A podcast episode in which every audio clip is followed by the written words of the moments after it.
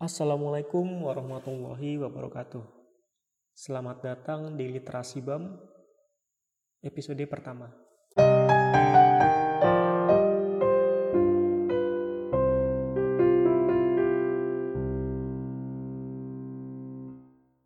Mungkin teman-teman bertanya-tanya tentang apa sih podcast ini? Bagi teman-teman yang belum tahu, aku juga memiliki channel YouTube bernamakan This is IBAM. Dalam channel YouTube tersebut, aku membawakan satu buah segmen tayangan yang bertajuk Komentari BAM. Sementara untuk podcast, aku akan membawakan segmen Literasi BAM. Nah, apa itu segmen Komentari BAM dan Literasi BAM? Jawabannya, jika segmen Komentari BAM berisikan komentar dan opiniku terhadap suatu peristiwa atau fenomena, Sementara dalam segmen ini, aku akan mengajak teman-teman untuk membedah dan mengkaji satu buah buku yang akan aku bedah secara episodik hingga buku tersebut tamat. Dalam satu minggu, aku akan membedah dua buah buku. Nah, dalam serial literasi BAM yang pertama ini, aku akan membedah buku Pandangan Hidup Muslim karya Buya Hamka yang akan aku tayangkan setiap pekannya di hari Jumat. Kemudian di hari Sabtu akan tayang setiap pekannya bahasanku tentang buku Noam Chomsky yang berjudul Understanding Power. Nah, dalam episode ini aku ingin mengajak teman-teman untuk menyelami pemikiran Buya Hamka, salah satu ulama asli Indonesia yang tumbuh di masa-masa pergerakan dan wafat di awal-awal tahun 80-an dalam bukunya yang berjudul Pandangan Hidup Muslim. Buku Pandangan Hidup Muslim yang aku pegang ini adalah buku yang diterbitkan relatif baru. Itu sekitar tahun 2016. Ya benar, ini 2016. Itu diterbitkan di Jakarta oleh penerbit Gema Insani. Jadi ini adalah yang terbitan ulangnya, versi terbitan ulang. Eh, nah, jadi kita akan langsung masuk saja ke bahasan bukunya ya, nggak usah lama-lama. Jadi Buya Hamka memulai buku ini dengan membuka bab dengan sebuah bab yang berjudul Istiqomah. Istiqomah. Pangkalan tempat bertolak, pelabuhan tempat bersauh. Jadi Buya menulis bersamaan dengan tumbuhnya akal kita, Tumbuh pula kepercayaan akan adanya zat yang maha kuasa. Bertambah lanjut perjalanan akal itu, bertambah tampak adanya kebenaran, keelokan, keindahan dan kesucian di alam di dalam alam sekeliling kita. Semuanya itu menambah kukuhnya kepercayaan tadi. Nah, di sini Buya mengawali dengan mengawali buku dengan menyebutkan bahwa e, bertumbuhnya akal seorang manusia itu sebenarnya secara fitrah akan berbanding lurus dengan bertumbuhnya rasa percaya kepada Allah. Di sini Buya berusaha menjelaskan pada kita bahwa seiring dengan perjalanan akal seorang manusia, kebenaran akan keberadaan Zat yang Maha Kuasa. Kebenaran akan keberadaan Zat yang Maha Kuasa itu seharusnya selayaknya akan semakin nampak di hadapannya, akan semakin terlihat. Jadi selain menuntun kita kepada kepahaman akan adanya zat yang maha kuasa, perjalanan akal manusia juga akan mengiringi kepahaman manusia tentang keindahan dan e, kesucian di sekelilingnya. Nah, di sini Buya itu seakan meminggirkan dirinya dari kepahaman umum yang kerap dipahami oleh kaum beragama kebanyakan. Maksudnya gimana tuh? Maksudnya adalah eh, sebelumnya teman-teman pernah gak mendengar ungkapan credo ut intelligam? Credo ut intelligam atau yang artinya I believe so that I may so that I may understand. Aku percaya, maka aku paham. Nah, jadi ungkapan ini nih muncul berdasarkan ucapan dari Saint Augustine of Hippo. Jadi Saint Augustine of Hippo ini adalah seorang teolog, seorang ahli teologi kekristenan yang juga merupakan uskup di daerah Afrika Utara. Beliau ini lahir pada tahun 354 Masehi. Nah, jadi dulu itu Saint Augustine pernah menyebutkan sebuah kalimat yang bunyinya itu crede ut intellegas. Yang artinya itu believe so you may understand imani maka engkau akan memahami. Nah, ketika itu beliau sedang membahas hubungan antara keimanan dan logika berkaitan dengan aspek-aspek ketuhanan maupun pertanyaan-pertanyaan teologis. Setelahnya, ungkapan ini dipopulerkan lagi ke dalam kalangan gereja, ke dalam kalangan gereja dan rohaniawan. Itu ketika dijadikan salah satu ungkapan oleh Saint Anselm of Canterbury dalam tulisannya yang berjudul Proslogion. Nah, tulisan uh, beliau yang berjudul Proslogion ini memang sengaja ditulis untuk uh, salah satunya menjelaskan sifat-sifat ketuhanan yang terkadang nampak kontradiktif dalam sistem kepercayaan gereja. Nah, kemudian Credo Tinteligam ini menjadi sebuah ungkapan yang uh, dianggap oleh kelompok-kelompok ireligi, kelompok-kelompok non-religius sebagai sebuah bukti bahwa kredo keagamaan, khususnya kredo kekristenan dalam konteksnya ketika itu, menolak rasionalitas dan critical thinking terkait doktrin-doktrin agamanya.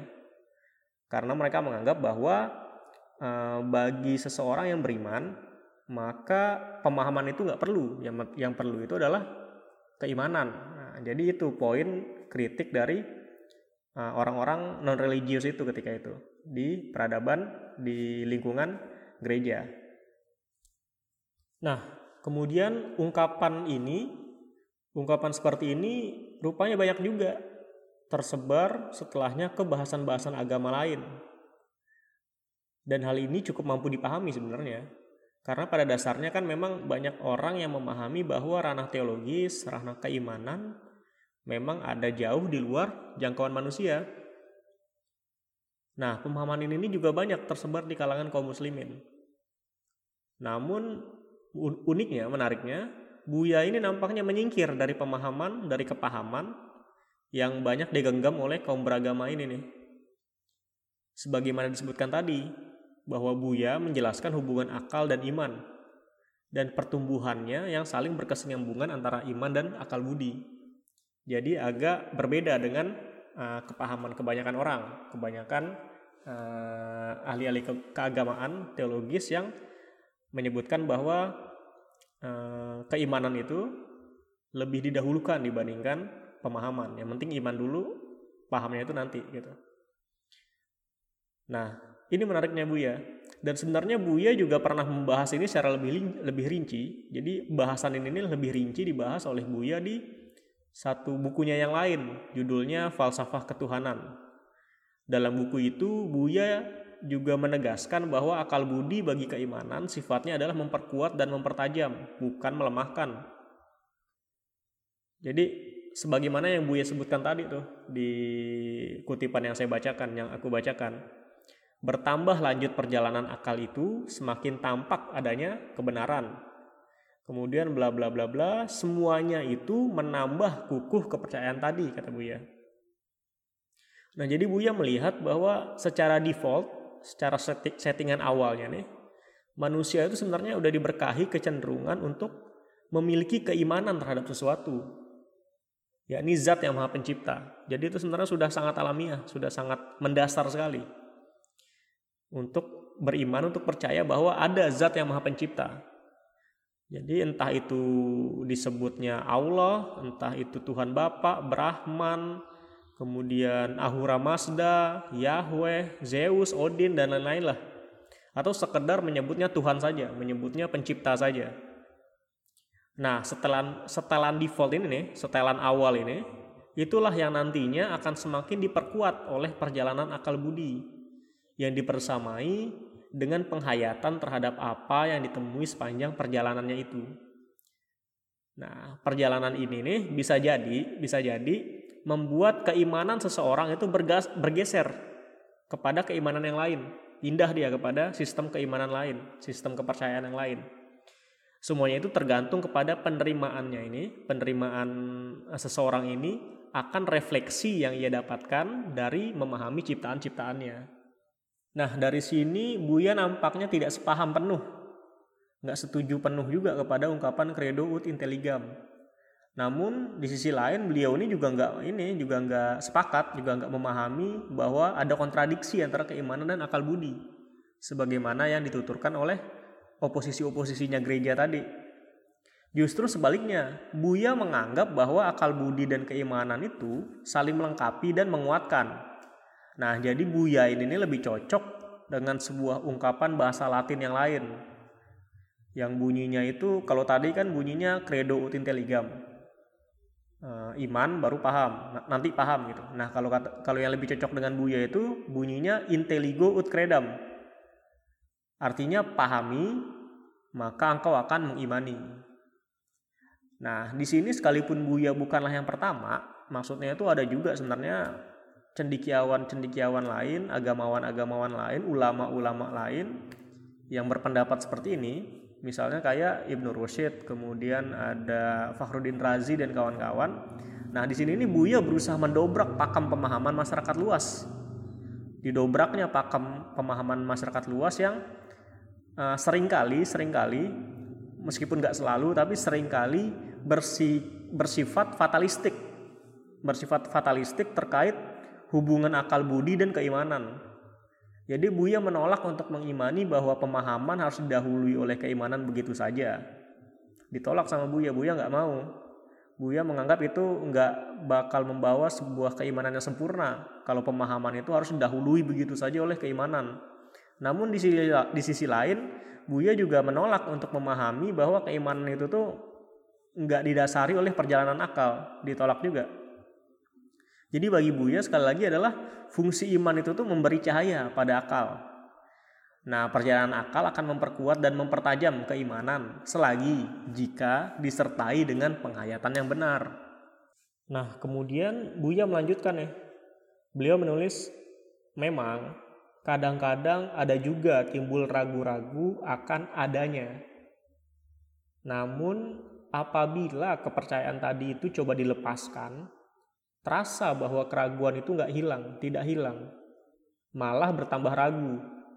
Sebab itu, percobaan untuk memastikan akan tidak adanya adalah mencoba membongkar apa yang telah berurat di dalam hati.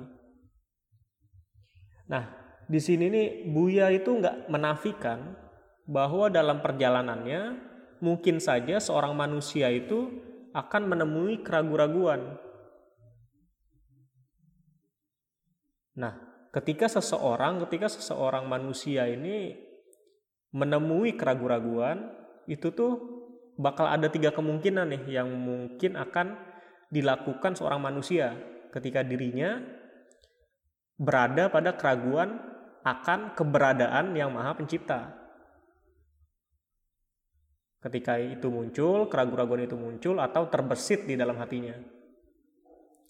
Sikap yang pertama, dia akan berusaha menyelesaikan keraguannya ini dengan berkontemplasi, dengan merenung akan alam di sekitarnya. Dia menghayati putaran sempurna orbit benda-benda langit, yang kalau meleset sedikit aja itu dari orbitnya, maka akan terjadi benturan yang berakibat fatal. Dia juga bakal menghayati misalnya betapa beraturnya ritme jantungnya, menghayati keberaturan arah angin di sekitarnya. Kemudian dihayatinya pula medan gravitasi yang kalau saja itu lebih kuat sedikit saja nih, gaya gravitasi sebagaimana sekarang kalau lebih kuat dikit aja itu semesta bisa musnah. Namun kalau lebih lemah sedikit saja, justru planet-planet, bintang-bintang itu akan berterbangan ke segala penjuru yang tidak tentu arah. Nah, maka pahamlah dia bahwa hal tersebut adalah hukum alamiah yang berbanding lurus sebagaimana hukum dan mekanika gerak dari produk-produk kreativitas manusia. Yang seluruhnya itu kan by design. Jika by design, maka ada yang mendesain. Siapa yang mendesain? Nah, dialah Tuhan yang Maha Pencipta. Nah, jadi ada fisikawan terkenal nih, namanya adalah Sir Isaac Newton. Pasti teman-teman pernah dengar. Isaac Newton. Beliau ini fisikawan legendaris yang terkenal karena telah berhasil merumuskan teori gravitasi. Nah, tapi yang jarang orang ketahui, yang jarang orang tahu, bahwa si Isaac Newton ini adalah juga seorang teolog. Dia ini juga seorang teolog, bahkan sebelum dia dikenal sebagai fisikawan dan matematikawan, beliau ini sudah dikenal sebagai teolog. Sekalipun memang teologinya ini dianggap sebagai teologi yang masuk kategori non-ortodoks dalam teologi mainstream Kristiani. Jadi dia ini cenderung apa ya berbeda sama teologi mainstream uh, Kristiani yang lain. Bahkan beliau ini sempat dianggap sebagai pelaku bid'ah, pelaku heretik. Beliau ini di, dianggap sebagai heretik melakukan heresi, melakukan bid'ah. Nah, beliau ini pernah menuliskan bahwa enam planet utama mengitari matahari. Jadi dalam masanya beliau itu baru dikenal enam planet, enam planet utama. Jadi enam planet utama mengitari matahari dalam bentuk lingkar yang titik pusatnya adalah matahari. Serta dengan gerak yang mengarah kepada arah yang sama dan dengan bidang gerak yang hampir serupa. Nah, kemudian beliau bilang 10 bulan-bulan ada ada 10 buah bulan yang mengelilingi bumi, Jupiter dan Saturnus dalam lingkar yang berpusat pada mereka dengan arah gerak yang sama dan dengan bidang gerak dan dengan bidang gerak yang juga hampir serupa dengan planet-planet tersebut. Kemudian Newton kembali lagi menuliskan, namun hal tersebut, keberaturan tersebut itu tuh nggak bisa dipahami hanya sekedar sebuah gerak mekanik semata yang mampu menciptakan gerak teratur yang begitu banyaknya uh, sendiri dikarenakan komet-komet yang tersebar di segala penjuru langit kata beliau memiliki orbit yang eksentrik alias lain daripada yang lain. Nah kemudian Newton melanjutin lagi sistem matahari, planet dan komet-komet yang amat indah ini hanya mampu berjalan sebagaimana adanya melalui rencana dan kuasa dari satu yang maha cerdas dan maha berkuasa. Nah, jadi begitulah pembuktian Newton akan eksistensi, akan keberadaan Tuhan yang satu itu, yang maha esa itu. Jadi beliau me me menyebutnya sebagai yang maha berkuasa lagi maha berpengetahuan. Dalam tulisannya yang berjudul General Scholium, General Scholium, yang juga menjadi salah satu bagian dari eh, tulisan-tulisan beliau di Principia Matematikanya. Jadi Newton ini memang terkenal dengan satu buah bukunya yang berjudul Principia Matematika. Jadi ada ada satu bagian yang diberi yang beliau beri judul General Scholium.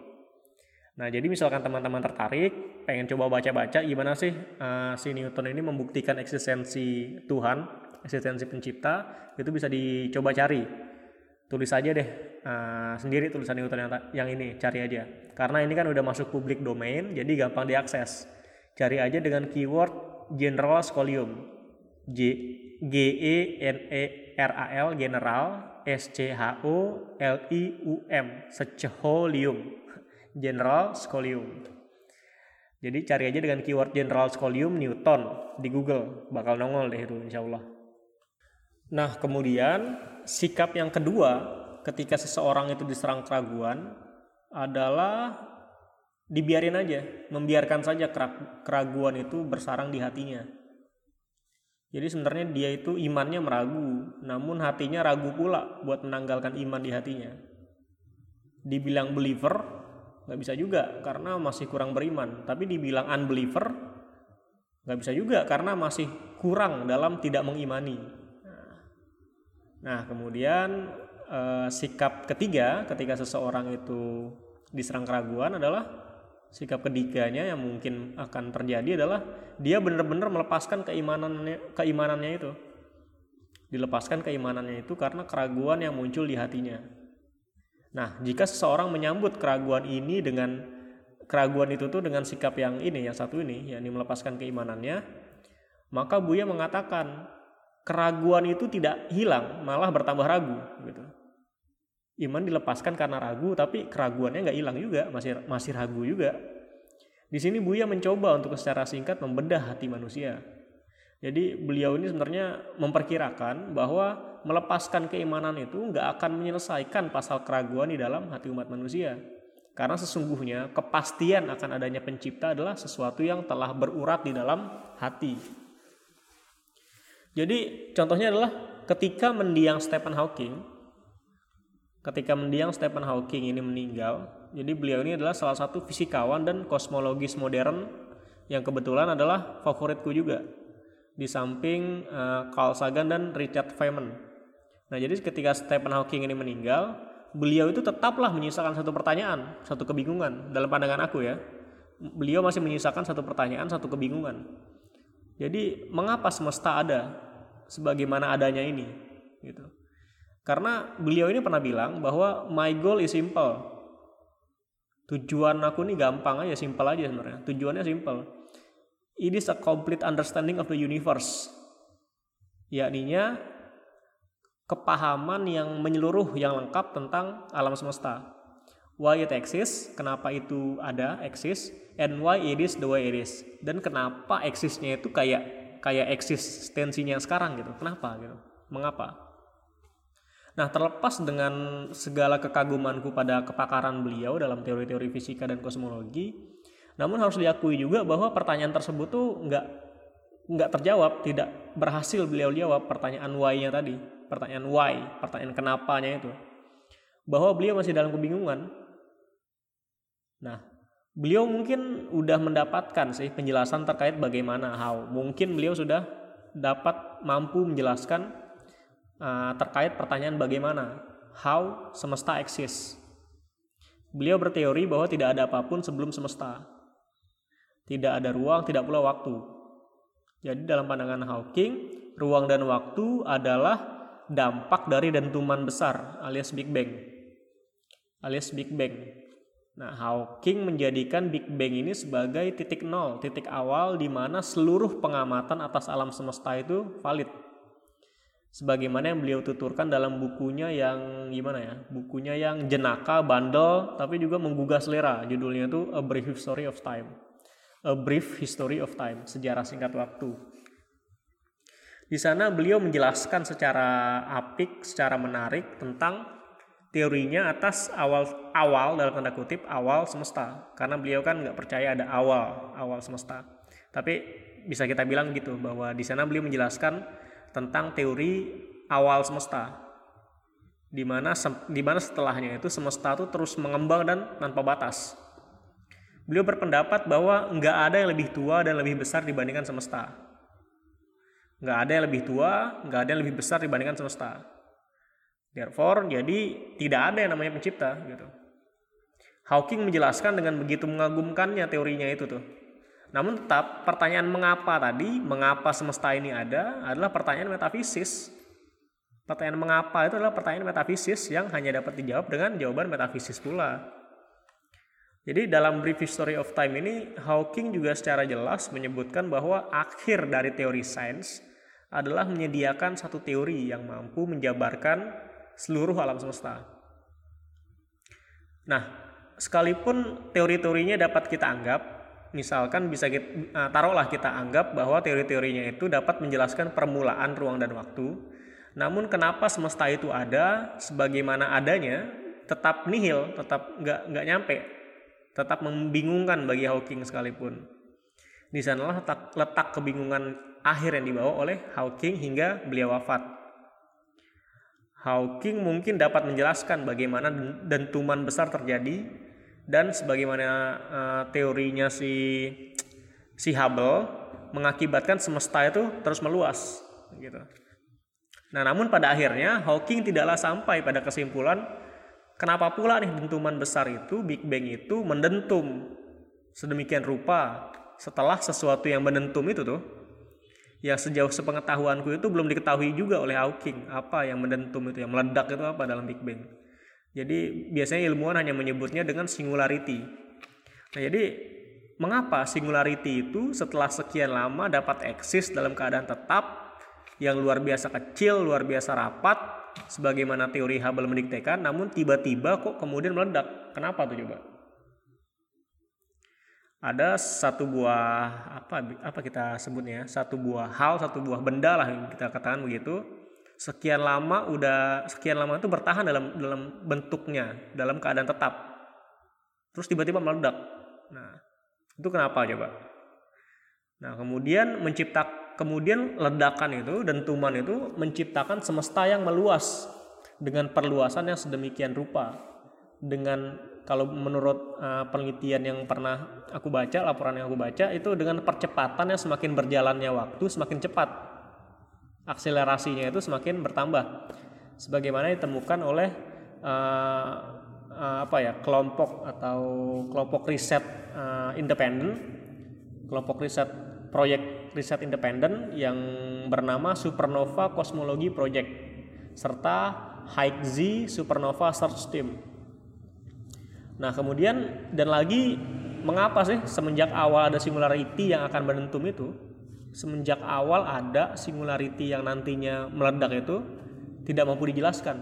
Dari mana awalnya itu? Singularity itu awalnya dari mana? Apakah tiba-tiba ada begitu aja? Kemudian tiba-tiba meledak atau gimana? Nah, kemudian mengapa singularity itu padat, rapat dan panas? Kemudian kenapa dia tiba-tiba meledak setelah untuk beberapa saat eksis dengan kepadatan, kerapatan, dan panasnya tersebut.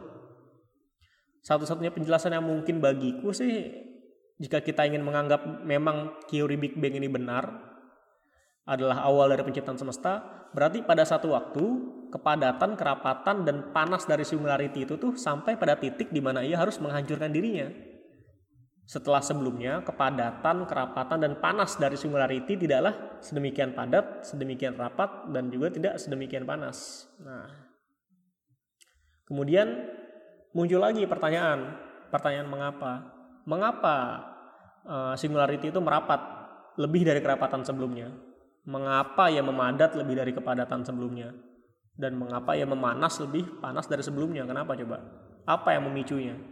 apa yang menggeser kerapatannya, apa yang memadatkannya, dan apa pula yang memanaskannya sehingga terjadi dentuman besar itu. Kita mungkin sense mungkin dapat menjelaskan bagaimana prosesnya, namun mengapa proses tersebut terjadi dan bukan sebaliknya? Mengapa singularity harus memadat? Bukannya kenapa nggak merenggang?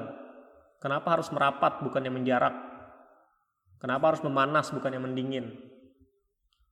Sehingga pada akhirnya kita harus mengakui bahwa jawaban ala Newton dapat kita terima bahwa singularity itu mendentum karena berjalan sebagaimana adanya melalui rencana dan kuasa dari satu yang maha cerdas itu.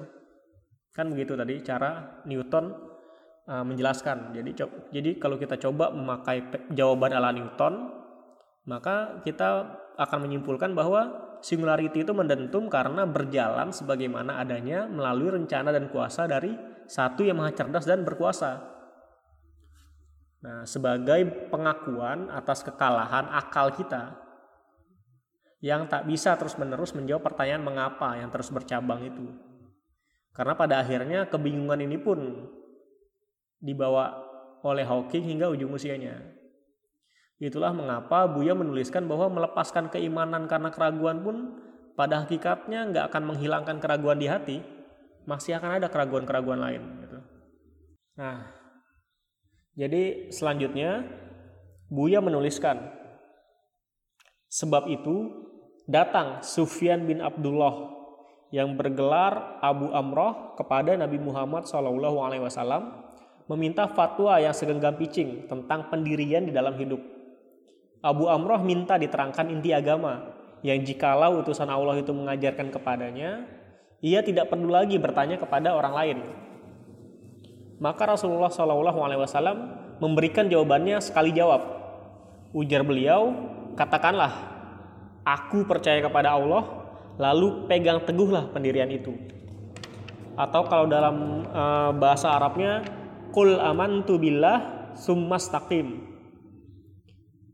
jadi Nabi Muhammad Shallallahu Alaihi Wasallam menyuruh memegang teguh persediaan pertama itu, kepercayaan pertama atau intuisi pertama, yaitu Allah ada dan aku percaya kepadanya. Nah, di sini Buya membawakan satu buah hadis yang menceritakan tentang seorang sahabat yang mendatangi Rasulullah. Kemudian meminta satu buah ajaran yang yang yang paling inti ini, yang paling inti. Maka Rasulullah menjawab seperti tadi, aku percaya Allah dan aku pegang teguh kepercayaan itu. Nah, kemudian Buya langsung melanjutkan lagi. Nah, subbab kedua di bab pertama ini.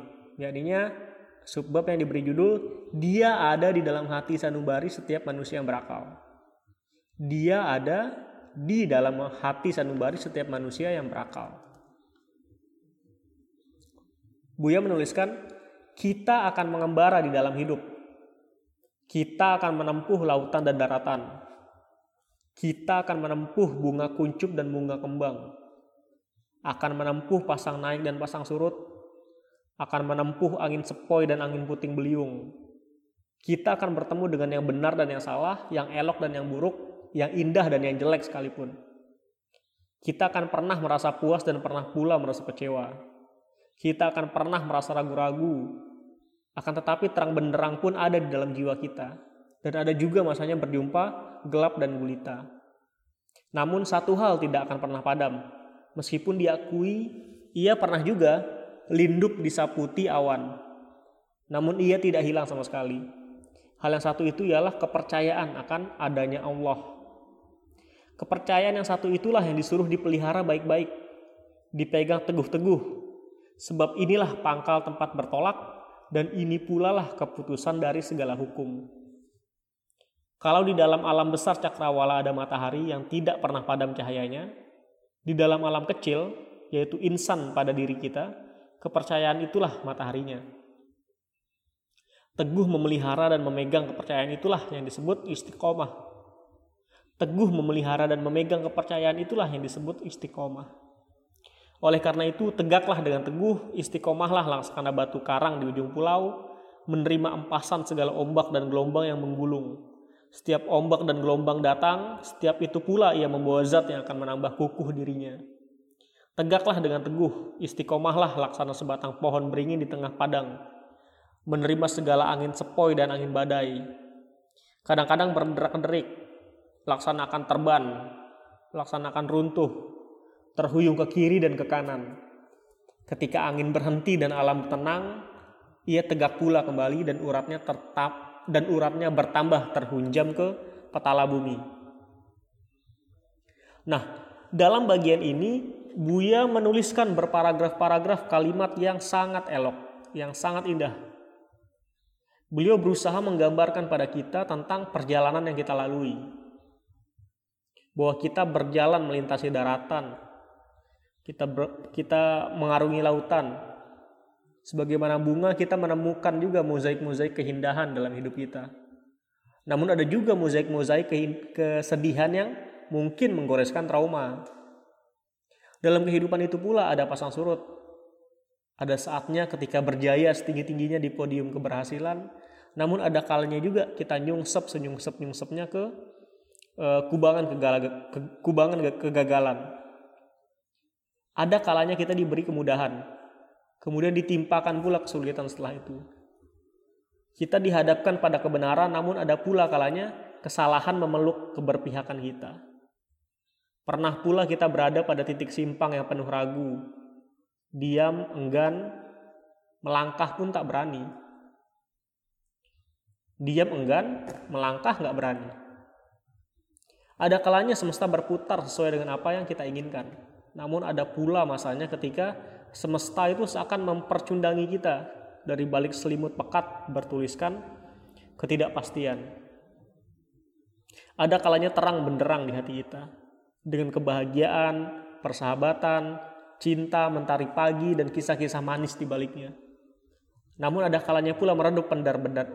Namun ada kalanya uh, meredup juga pendar benderang di hati kita itu. Dengan kesedihan, dengan nestapa, dengan pengasingan, patah hati, serta kelam malam dan kisah-kisah nestapa di baliknya.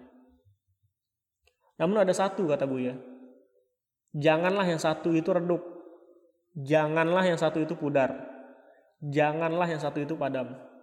Sekalipun sesekali mengabur juga ia dalam hati, diselimuti keraguan-raguan yang dihembuskan secara halus oleh noktah-noktah hitam sepanjang zaman. Apa yang satu itu? Yang satu itu yang satu itu ialah keimanan kita. Rasa percaya kita pada yang Maha Pencipta, pada Allah. Nah, Buya menuliskan agar kita pelihara betul rasa percaya yang satu itu. Selayaknya teguh kita dalam memegangnya. Dan itulah yang disebut sebagai istiqomah. Tak peduli sekeras apa realitas menghantam, sepahit apa patah hati menghampiri, sesepi apa rasanya pengasingan, pastikanlah ada yang satu itu tetap di dalam hati. Selayaknya hantaman keras realitas itulah yang akan membuat e, percaya kita ini semakin menghujam. Selayaknya rasa pahit patah hati itulah yang mengajari betapa manisnya keimanan kepada zat yang tidak pernah mematahkan hati hamba-hambanya. Rasa sepi dan pengasingan itu pula lah yang selayaknya membuat kita menyadari bahwa sesepi-sepinya hati yang kita rasa, masih ada jua yang Maha Esa yang membersamai kita. Itulah dia pesan Buya kita yang bersahaja ini. Kemudian selanjutnya Buya menuliskan tentang tauhid, tentang kesea, tentang keesaan. Buya menulis kepercayaan dan keyakinan itu dipelihara baik-baik diasah dan diasuh, dijadikan tujuan hidup sehingga akhirnya tidak lagi membelok kepada yang lain dan tidak berbilang, tidak dua dan tidak pula tiga, akan tetapi hanya satu. Di sini di sini kepercayaan tadi mendapat salurannya yang wajar. Itulah ia tauhid, keesaan kepercayaan atau pemusatan kepercayaan. Bukan mencari-cari kepercayaan dari luar, sebab kepercayaan telah ada dalam diri.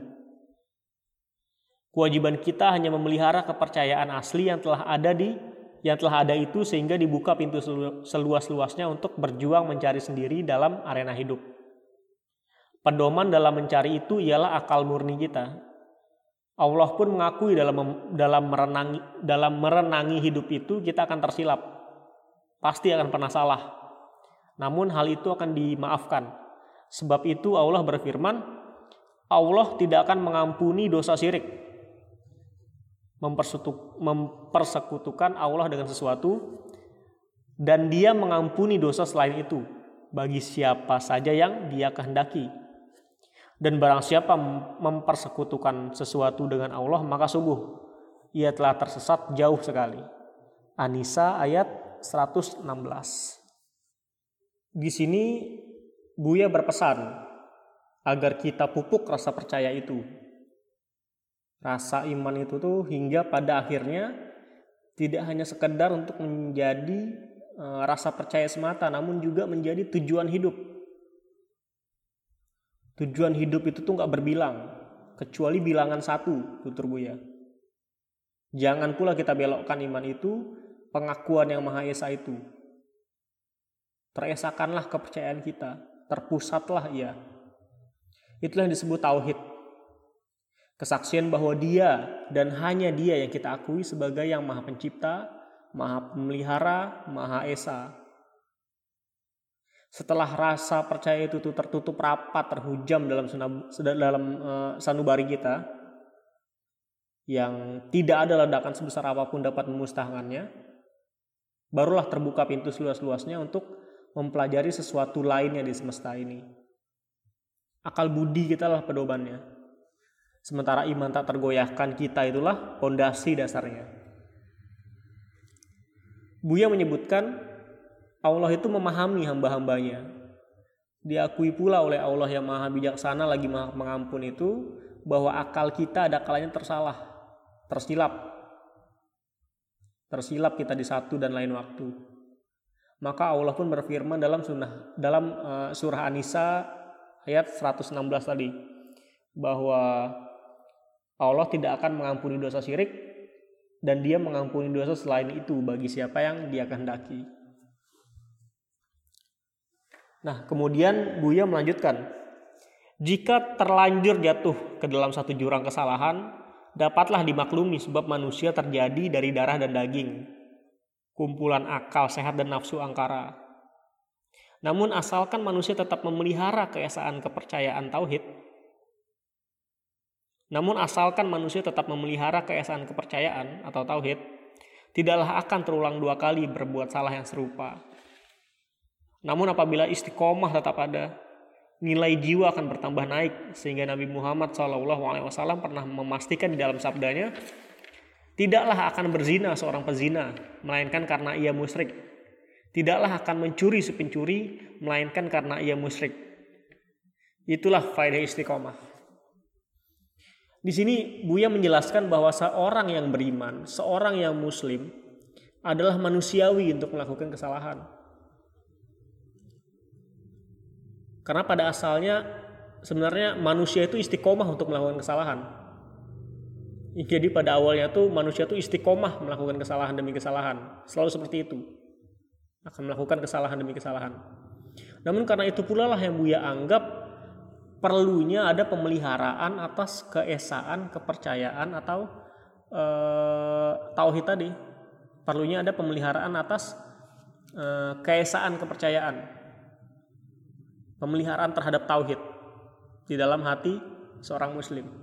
Karena hanya tauhid itulah yang mampu melawan kecenderungan uh, alamiah manusia untuk mengulangi kesalahannya yang yang serupa. Bersabda Rasulullah bahwa ketika seorang pezina itu berzina, ketika seorang pencuri itu mencuri, dalam keadaan musyrik dia sesungguhnya. Karena tidaklah mungkin seorang yang beriman sampai hati menzinahi manusia lainnya mencuri dari manusia lainnya. Kecuali ketika ada dalam kecuali ketika dia berada dalam momen menzinai dan mencuri itu, ketika dia sedang menzinai dan mencuri itu, sedang melayang tauhidnya sekejap masa, sedang tak sedang dalam keadaan tak beriman dia seke, uh, dalam sekejap masa. Maka sadarlah dia bahwa seorang muslim tidaklah selayaknya berkali-kali jatuh ke dalam keadaan musyrik itu. Seorang tidaklah disebut muslim kecuali mampu menjaga tauhid dan keimanan dalam hatinya. Minta ampun dia pada zat yang maha pengampun. Dan bertekad ia tak mengulanginya lagi. Atas nama kepercayaan yang dia akui ada di hatinya itu. Kemudian eh, Buya melanjutkan, Faedah yang amat besar lagi bagi jiwa dalam menempuh hidup karena adanya istiqomah ialah hilangnya rasa takut dan hilangnya rasa duka cita. Takut dan duka cita adalah dua hal yang menjadi penghalang besar dalam kemajuan hidup. Dalam kemajuan hidup. Itulah duri dan itulah pula batu penarung. Oleh karena itu Allah berfirman, sesungguhnya orang-orang yang berkata Tuhan kami adalah Allah, lalu mereka meneguhkan pendirian, pendirian mereka, maka malaikat-malaikat akan turun kepada mereka dengan berkata, janganlah kamu merasa takut dan janganlah kamu bersedih hati dan bergembiralah kamu dengan memperoleh surga yang telah dijanjikan kepadamu. Ah, surat Fusilat ayat ke-30. Tak mungkin ada rasa takut pada orang istiqomah kepada siapa dia takut? Adakah yang maha kuasa di dalam alam ini selain Allah? Adakah yang berkuasa menjatuhkan bahaya, memberikan mudarat dan manfaat dalam lingkungan alam ini selain Allah? Adakah sesuatu yang berkuasa sendiri, bergerak dan berdiam di luar lingkungan kuasa Allah? Tidak ada. Hal yang ditakuti orang dalam hidup melarat, eh, tidak ada. Hal yang ditakuti orang dalam hidup ialah melarat. Dalam hidup yang hanya sementara, kemelaratan bukanlah kehidupan kemelaratan bukanlah kehilangan harta benda. kemelaratan ialah apabila kehilangan istiqomah di dalam diri kita. Hal yang paling ditakuti ialah maut. Padahal luput dari istiqomah adalah lebih sakit dan lebih berbahaya daripada maut itu sendiri. Pada, pada satu waktu sangatlah mulia dan tinggi harga maut itu. Sebagaimana kata pepatah, maut adalah alamat cinta yang sejati. Apa yang menyebabkan hati ditimpa duka, gundah gulana, bermuram durja? Sebab merasa ada yang hilang. Hal yang dicari tidak dapat, yang tak dicari itu yang dapat. Yang diingini terlalu jauh, sedangkan yang tak diingini terlalu dekat. Orang telah dahulu pergi ditunggu-tunggu juga, sedangkan yang belum datang ditungkasi. Sebab datangnya kedukaan adalah karena salah pasang, kata Buya. Meletakkan nilai kepada barang yang tidak bernilai, melupakan nilai dari sebenar. Meletakkan nilai kepada barang yang tidak bernilai, melupakan nilai dari yang sebenarnya bernilai. Cobalah pasang dan susun jiwa kembali. Kembali ke dalam istiqomah, niscaya terbuka kembali hijab. Niscaya hilang bayang-bayang dari sesuatu yang tidak ada hakikatnya itu. Nah, di sini Buya menjelaskan tentang kualitas, tentang ciri yang nampak pada seseorang yang istiqomah dalam keimanannya. Seorang yang istiqomah pada keimanannya telah hilang rasa takut dan duka dari dan duka cita dari hatinya. Seorang yang telah istiqomah mengakui eksistensi Allah sebagai Tuhan semesta alam maka dia juga akan mengkerdilkan apa pun selain dia. Jadi seorang yang udah istiqomah dalam mengakui bahwa Allah itu adalah Tuhan semesta alam, maka dia akan mengkerdilkan apa pun selain Allah. Sehingga lunturlah rasa takut kepada sesama makhluk. Karena kepahaman bahwa tidak ada yang lebih besar, tidak ada yang lebih berkuasa, tidak ada yang lebih kuat dibandingkan Tuhan yang disembahnya itu. Hilangnya rasa takut ini tentu memunculkan keberanian. Keberanian atas apa? Salah satunya keberanian untuk melawan apa pun yang menghalang yang menghalang halangi terciptanya keadilan. Keberanian untuk melawan apa pun yang menghalang-halangi keadilan. Hal ini merupakan dasar teologis atas progresivitas Islam dalam memandang dunia dan segala perputaran sejarahnya. Jadi mungkin jadi mungkin teman-teman tahu bahwa Marx pernah menyebutkan, Karl Marx pernah menyebutkan agama adalah candu katanya. Dia menyorot realitas sosial di sekeliling khalayaknya, di sekeliling di di sekitar kehidupannya. Yang dia melihat bahwa eh, orang-orang di sekelilingnya itu seakan pasrah pada keadaan dan enggan untuk bangkit memperjuangkan keadilan. Marx memandang bahwa salah satu yang bertanggung jawab atas hal tersebut adalah agama. Karena agama menurut Marx telah membius masyarakat kelas pekerja untuk tetap tunduk dan patuh sekalipun dia dieksploitasi oleh uh, kondisi sosial masyarakat yang kapitalistik. Namun pandangan ini sesungguhnya ditolak oleh Islam dan coba dijelaskan oleh Buya. Islam memang mengajarkan sikap tabah dan sabar, namun tabah dan sabar yang dipahami oleh Islam adalah tahap akhir setelah titik akhir perjuangan. Bukan untuk begitu saja menerima penindasan dan uh, eksploitasi. Islam memang mengajarkan kesederhanaan dan sikap kona'ah. Sikap merasa cukup. Kona'ah itu adalah sikap merasa cukup.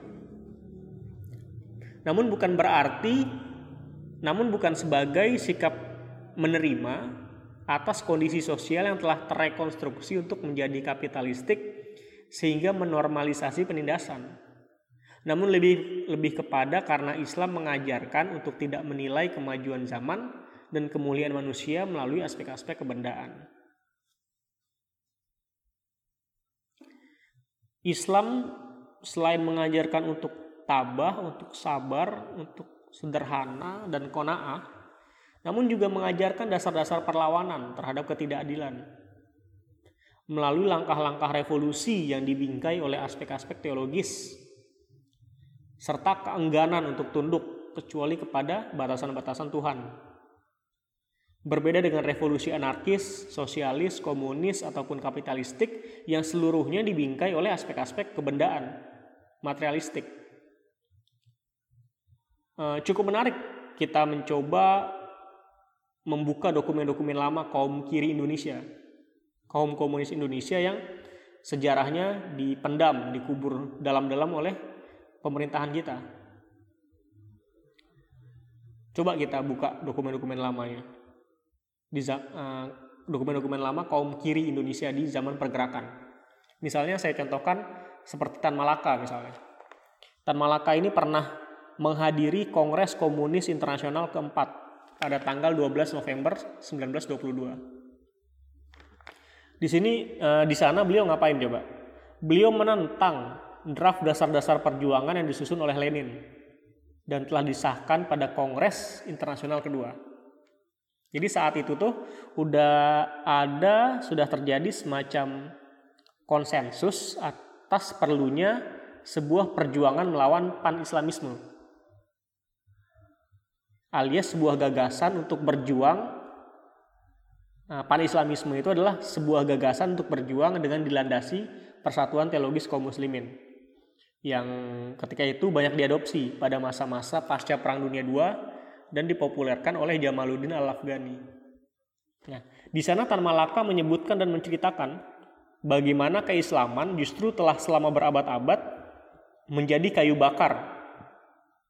Menjadi kayu bakar pengobar perlawanan terhadap penjajahan di Indonesia tidak sebagaimana dipandang oleh tidak sebagaimana banyak dipandang oleh tokoh-tokoh kiri termasuk Marx sendiri. Jadi saya kutip bahwa Pan, uh, Tan Malaka pernah bilang seperti ini dalam dalam kongres itu Tan Malaka berpidato seperti ini. Jadi jadi pan-islamisme tidak lagi memiliki arti sebenarnya, tapi kini dalam prakteknya memiliki sebuah arti yang benar-benar berbeda saat ini pan-islamisme berarti perjuangan untuk pembebasan nasional. Karena bagi kaum muslim Islam, uh, karena bagi kaum muslim, Islam adalah segalanya. Tidak hanya agama tetapi juga negara, ekonomi, makanan dan segalanya. Dengan demikian pan-islamisme saat ini berarti persaudaraan antar sesama muslim. Dan perjuangan kemerdekaan bukan hanya untuk Arab tetapi juga India, Jawa, dan semua muslim yang tertindas. Persaudaraan ini berarti perjuangan kemerdekaan praktis, bukan hanya melawan kapitalisme Belanda, tapi juga kapitalisme Inggris, Perancis, dan Italia. Oleh karena itu melawan kapitalisme secara keseluruhan. Itulah pan-islamisme saat ini di Indonesia di antara rakyat kolonial yang tertindas. Menurut propaganda rahasia mereka, perjuangan melawan semua kekuasaan imperialis di dunia. Jadi konon ketika Tan Malaka selesai membacakan pidato ini, beliau ini mendapat gemuruh tepuk tangan dari peserta kongres. Gitu. Nah, itulah sebuah kesaksian dari seorang Tan Malaka, salah satu pemimpin pergerakan yang berhaluan komunis namun masih tetap masih teguh keislamannya. Jadi benci hatinya jika Islam melulu dianggap sebagai hambatan revolusi. Selain dari Tan Malaka, kita juga dapat mengingat salah satu kutipan dari Munir, aktivis HAM Indonesia yang pemberani, yang akhirnya justru di, yang akhirnya justru dibunuh dengan cara paling pengecut, dengan diracun. Beliau menyebutkan bahwa ketika saya berani sholat, jadi kata Munir ini, ketika saya berani sholat, konsekuensinya saya harus berani memihak yang miskin dan mengambil hidup sulit, dan mengambil pilihan hidup yang sulit untuk memeriahkan perintah-perintah itu, seperti membela korban. Tidak ada alasan bagi umat Islam untuk tidak berpihak kepada yang tertindas. Nah, di sisi lain kita pun melihat juga banyak figur-figur pemberani lainnya yang memunculkan keberaniannya karena telah dipupuk lebih dulu dengan keistiqomahan. Sebut saja ada Umar Mukhtar dari Libya. Kemudian ada, ada uh, Imam Syamil dari dari Dagestan yang sekarang ini Dagestan masuk ke daerah Rusia hingga Yusuf, uh, Syekh Yusuf Al-Makassari. Mereka semua adalah orang-orang yang berusaha menegakkan keadilan dan pembebasan bagi rakyatnya. Bukan atas dorongan kemendaan, namun atas dorongan tanggung jawab mereka untuk menciptakan keadilan di dunia karena mereka memahami bahwa Allah itu mencintai keadilan dan kebebasan. Mereka semua ini adalah seorang strategis, seorang ahli strategi, seorang ahli perang. Namun di sisi lain mereka juga seorang sufi yang istiqomah dalam berislam. Mereka adalah eh, seorang sufi yang istiqomah dalam berislam. Umar Mukhtar akhirnya wafat digantung oleh tewas digantung oleh rezim Mussolini menjelang Perang Dunia II. Imam Syamil diasingkan jauh-jauh dari pengikutnya di hari tua. Sementara Syekh Yusuf Al-Makassari lebih unik. Jadi Syekh Yusuf ini dibuang oleh Belanda setelah memimpin pergolakan negerinya, uh, memimpin pergolakan di di negerinya di Nusantara. Dibuang beliau ke Ceylon, Ceylon di Sri Lanka sekarang. Ceylon itu Sri Lanka. Di sana disebarkan pula Islam. Jadi beliau diasingkan ke negeri asing, namun di sana pula dia menyebarkan Islam. Dipimpinnya pula perlawanan dari sana. Gerah penjajah dibuang beliau ke ujung peradaban, ke Afrika Selatan. Di sana rupanya tak kunjung kapok juga Syekh Yusuf Al-Makassari ini. Disebarkan juga Islam di sana. Kemudian dididiknya mentalitas-mentalitas uh, dididiknya mentalitas-mentalitas untuk tidak tunduk pada kezoliman kepada para muridnya. Mengajarkan dia kepada murid-muridnya untuk uh, tidak tunduk pada kezaliman. Sampai terkagum mendiang Nelson Mandela itu. Nelson Mandela menganggap bahwa Syekh Yusuf Al-Makassari adalah inspirator perlawanan terhadap politik apartheid mendahului zamannya. Jadi tak terbayangkan betapa ketar-ketirnya VOC dibuat oleh beliau. Lalu bagaimana dengan kematian? Muncul pertanyaannya. Gimana dengan kematian? Masa ia nggak takut mati?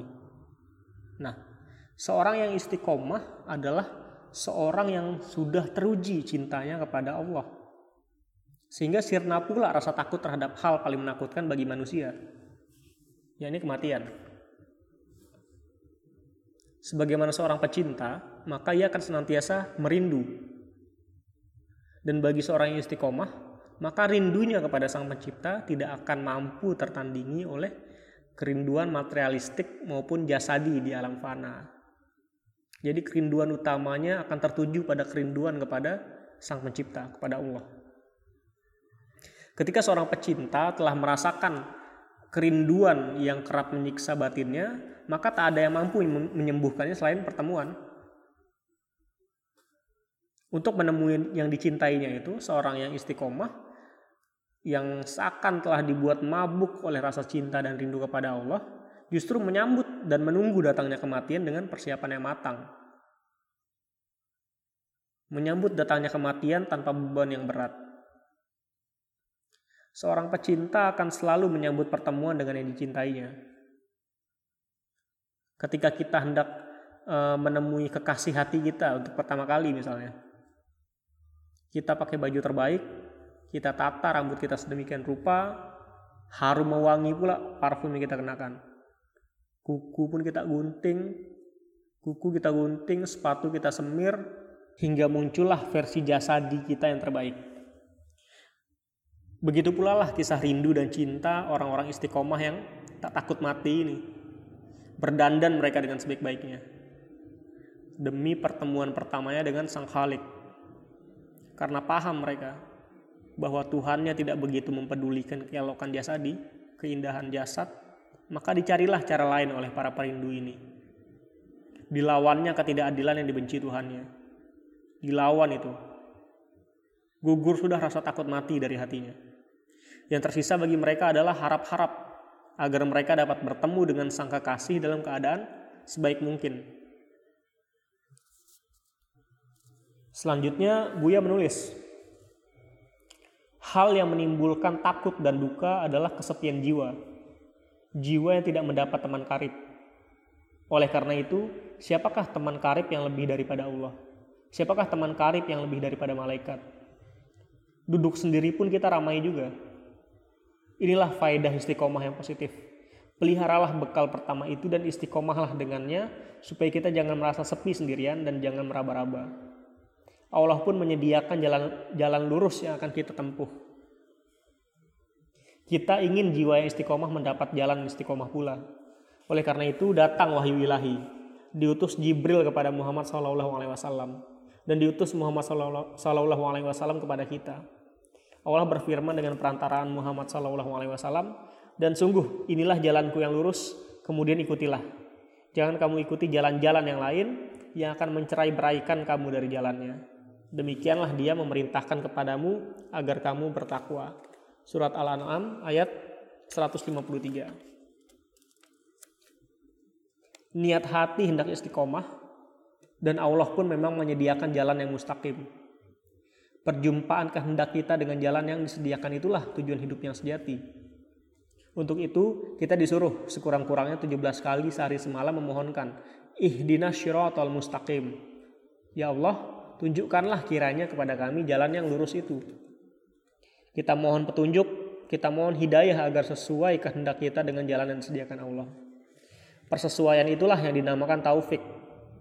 Mendapat hidayah dan taufik adalah mendapat laba dan kekayaan yang tidak dapat dinilai dengan emas dan perak, dengan harta benda bahkan dengan langit dan bumi sekalipun. Sebelum kita mengecap keindahan di dalam surga yang dijanjikan, terlebih dahulu kita telah merasakan nikmat surga di dalam hidup ini. Walaupun di kiri kanan kita api belaka. Itulah ya nikmat. Sebab itu, setelah kita memohon agar diberi petunjuk akan jalan yang lurus itu, diiringi lagi dengan ucapan jalan orang-orang yang engkau yang telah engkau beri nikmat kepadanya dan bukan jalan mereka yang dimurkai dan bukan pula jalan mereka yang sesat. Orang mendapat murka karena ia terlalu orang mendapat murka karena ia telah tahu jalan uh, telah tahu jalan itu sebuah jalan yang sesat tetapi ditempuhnya juga. Orang menjadi sesat karena terlalu percaya kepada diri sendiri sehingga lalai mendengarkan petunjuk. Mencari persesuaian istiqomah pada diri dan mustaqim pada jalan, itulah perjuangan hidup kita. Asalkan istiqomah tak pernah lepas, jalan itu pasti bertemu. Kadang-kadang terasa haus dan dahaga, maka Allah berpesan, dan sekiranya mereka tetap berjalan lurus di atas jalan itu, di atas agama Islam, niscaya kami akan mencurahkan kepada mereka air yang cukup. Amantu billahi summastaqim. Aku percaya kepada Allah, lalu pegang teguhlah pendirian itu.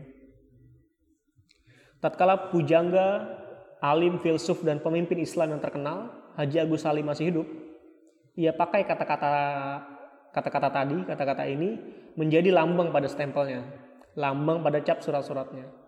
Pada pintu rumahnya di Jalan Teresia dahulunya atau Jalan Haji Agus Salim yang sekarang, terpampang juga kalimat itu dalam bentuk yang lebih besar. Qul amantu billah summastaqim. Katakanlah, aku percaya kepada Allah dan lalu pegang teguhlah pendirian itu. Dengan itulah kita hadapi segala persoalan dalam hidup ini. Dengan itu kita kibarkan panji kita. Kalimat itulah yang tertulis padanya dan dengan pendirian itu kita hidup di tengah-tengah masyarakat. Dengan itu, kita jiwai seluruh kebudayaan dalam segala macam seginya. Dengan itu pula kita mencari pengetahuan dalam segala macam cabangnya. Itulah pangkalan tempat kita bertolak. Itulah pelabuhan terakhir tempat bahtera kita bersauh. Nah, jadi di bagian akhir bab ini, Buya menuturkan kepada kita bahwa Allah menghendaki istiqomah. Dan kita telah melihat ada orang yang memang istiqomah namun ada pula yang tidak. Maka tahulah kita bahwa untuk mencapai istiqomah ada jalannya, ada caranya. Maka siapa pula lah yang lebih tahu tentang jalan menuju istiqomah selain dia yang menghendaki keistiqomahan itu. Maka berfirmanlah Allah. Maka berfirmanlah Allah. Ikuti saja jalanku ini. Jangan engkau memilih jalan yang lain. Jalan untuk menuju yang aku kehendaki pada kalian itu, aku yang lebih tahu. Dan inilah dia. Diutuslah Jibril kepada Rasulullah. Disampaikanlah risalah dan firman-firman Tuhan kepada manusia. Termaktublah itu semua dalam sebuah kitab yang teramat mulia. Al-Quran namanya. Itulah kitab Al-Furqan wal Huda. Kitab acuan bagi kita untuk menentukan yang mana yang lebih baik, yang mana yang baik dan yang mana yang buruk dan kita petunjuk hidup kita sehingga dapat menunaikan kehendak Tuhan atas diri kita sendiri. Diperintahkan pula bagi kita untuk memohon kepada Dia yang Maha memberi petunjuk agar senantiasa diteranginya hati kita dengan cahaya-cahaya petunjuk.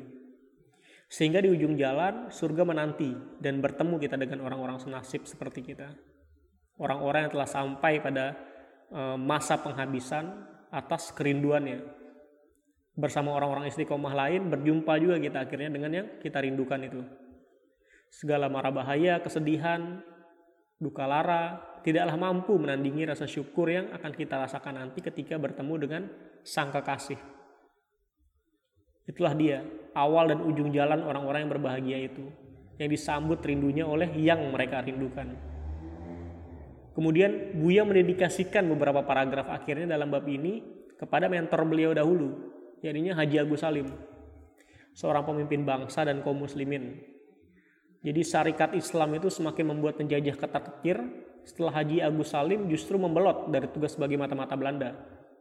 Jadi dulu itu Haji Agus Salim pernah menjadi mata-mata Belanda, mata-mata polisi Belanda. Yang ditugaskan untuk memata-matai syarikat Islam dan uh, pemimpinnya. Justru malah menjadi loyalis dan kawan terdekatnya. Jadi disuruh memata-matai seseorang justru menjadi malah malah menjadi loyalis dan kawan terdekat. Dialah Haji Omar Said Cokraminoto, si raja tanpa mahkota, pemimpin syarikat Islam. Aku percaya kepada Allah, lalu berpegang teguhlah pendirian itu. Begitu terpatrinya dalam haji dalam dalam hati Haji Agus Salim. Dijadikannya stempel dan lambang pribadinya untuk berkorespondensi dipampang pula kalimat itu di pintu rumahnya. Itulah dia istiqomah. Pandangan utama awal dan akhir dari pandangan hidup seorang muslim. Pandangan inilah yang rasanya telah banyak hilang dan dilupakan oleh banyak kaum muslimin di masa ini. Keistiqomahan banyak diobral melalui simbolisme dan pengakuan, alih-alih tindakan dan tingkah laku. Berjubah dia, berpeci dia, sholat pula dia, istiqomah pula ia mengaku namun dizinahinya teman perempuannya. Tidak sekali, tidak dua kali, namun berkali-kali. Berpuasa ia, berzakat ia, istiqomah pula dia mengaku. Namun ditindasnya pekerjanya. Keras hatinya pada orang yang kurang beruntung. Perkasa ia di hadapan orang-orang lemah. Pengecut ia di hadapan penguasa. Itulah pandangan hidup muslim bab 1 oleh Buya Hamka yang saya berikan kontekstualisasi dan perincian di sana sini dengan maksud tujuan agar eh, teman-teman uh, bisa lebih memahami uh, tulisan Buya yang sangat bermanfaat ini. Bagi teman-teman yang ingin lebih memahami bagaimana pendapat bagaimana pandangan Buya tentang keadilan sosial dan revolusi yang berbingkai teologi dan keistiqomahan dapat membaca buku Keadilan Sosial dalam Islam serta Islam, Revolusi dan Ideologi di sana beliau juga di sana beliau kita dapat di sana kita dapat menemukan pandangan-pandangan progresif Buya tentang topik-topik semisal agama, Islam, keadilan, revolusi hingga komunisme dan marxisme. Sekian literasi BAM episode ini. Semoga kita bisa bertemu minggu depan dan melanjutkan pengajian kita ini. Assalamualaikum warahmatullahi wabarakatuh. Aku Ibam pamit undur diri. Semoga apa yang aku sampaikan kepada teman-teman bisa bermanfaat. Ciao.